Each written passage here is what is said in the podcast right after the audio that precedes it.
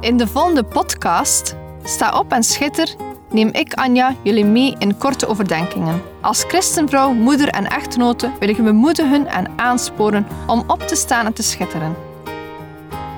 We zijn niet gemaakt om in Gods koninkrijk stil te zitten en niets te doen, maar om op te staan en dienstbaar te zijn. In de eerste plaats tien over God, daarna tien over ons gezin, onze partner of onze geloofsgenoten. En als gevolg zullen we dan ook schitteren in de wereld. Neem je Bijbel bij de hand, want zonder Bijbel zijn we als een kok zonder eten of een zanger zonder stem. Dus luister naar, sta op en schitter.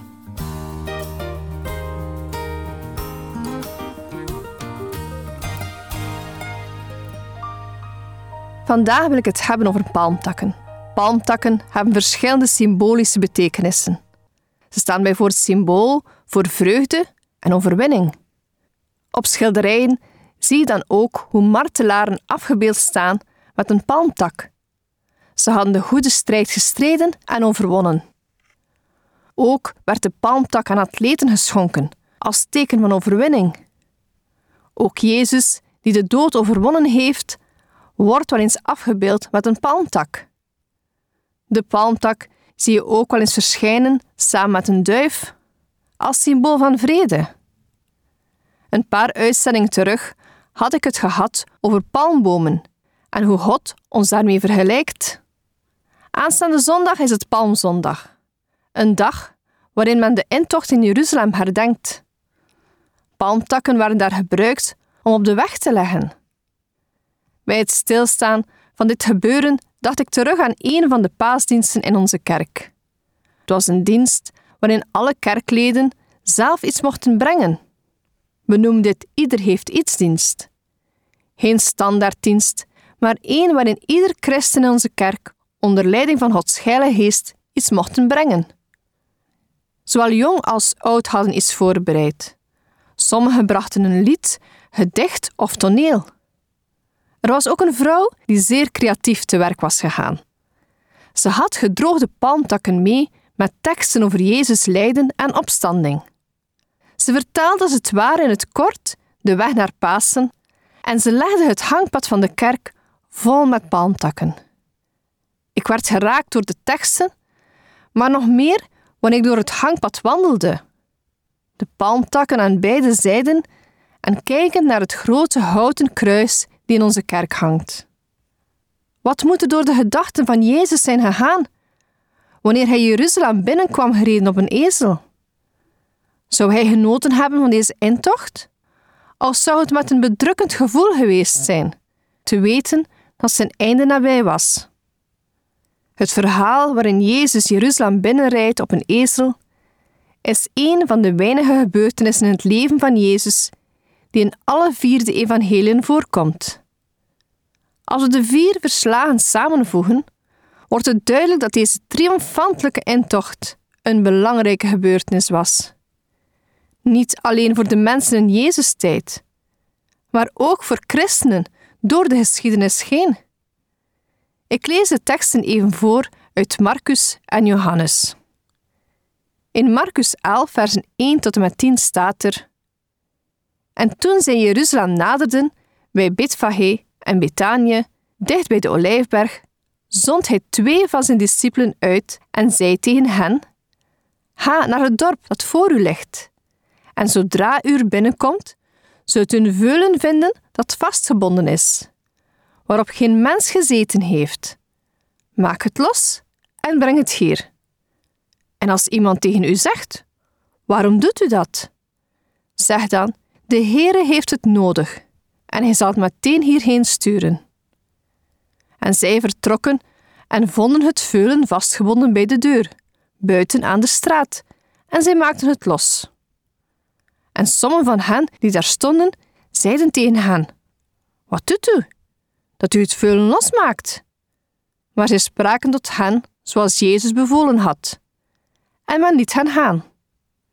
En zij brachten het veulen bij Jezus en wierpen hun kleren erop, en hij erop zitten.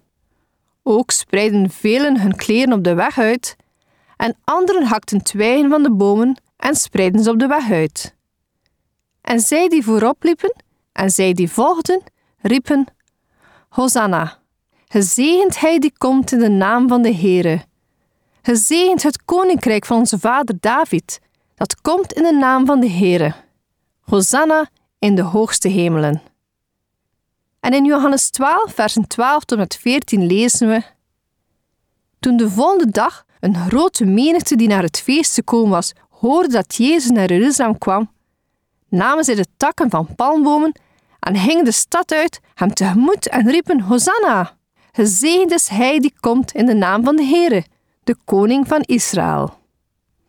Het is een opvallend verhaal. Als je let op wat Jezus deed. Jezus was onderweg naar Jeruzalem en hij was daar niet alleen. Duizenden mensen waren onderweg naar Jeruzalem om daar het Pesachfeest te vieren. Ongetwijfeld zullen er veel mensen tussen gezeten hebben die Jezus kenden en misschien wel door hem genezen waren. Bij het dorpje Bitfahe koos Jezus om zijn intocht op een andere manier voor te zetten, namelijk op een ezel.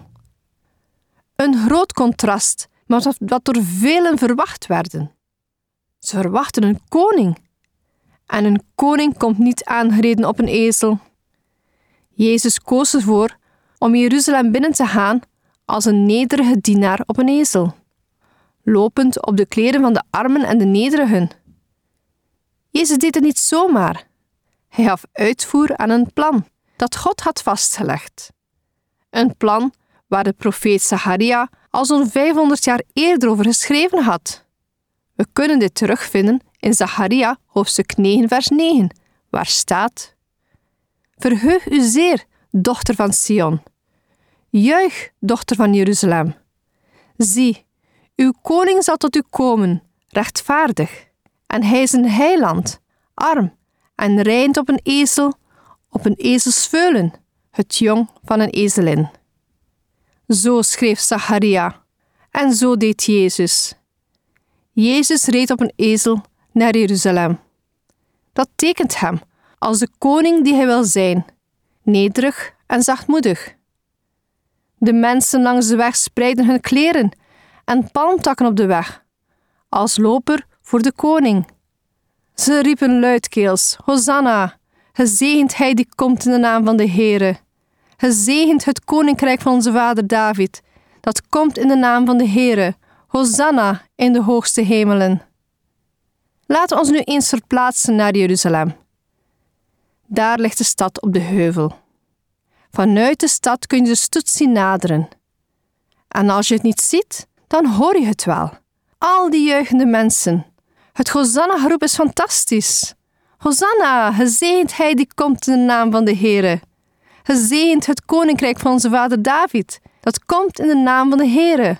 Hosanna in de hoogste hemelen. Dit moet echt een groot en mooi moment zijn geweest. Midden in die menigte Jezus die werd toegejuicht. Alles wat God beloofde begon in vervulling te gaan. De mensen legden kleren en palmtakken op de weg. Je kan het vergelijken met een rode loper die de dag van vandaag gelegd wordt voor belangrijke mensen. De rode loper wil zeggen dat je de persoon van harte welkom heet. Zo ook bij Jezus. Deze gewoonte was een eerbewijs aan koningen en aanzienlijke personen een manier om te tonen dat men hen respecteerde. In die tijd hadden ze niet een kleerkast vol kleren.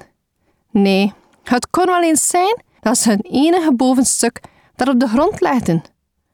Een jas die gebruikt werd zowel overdag als nachts. Het was een nederig gebaar hoe ze hun kledij uitspreiden.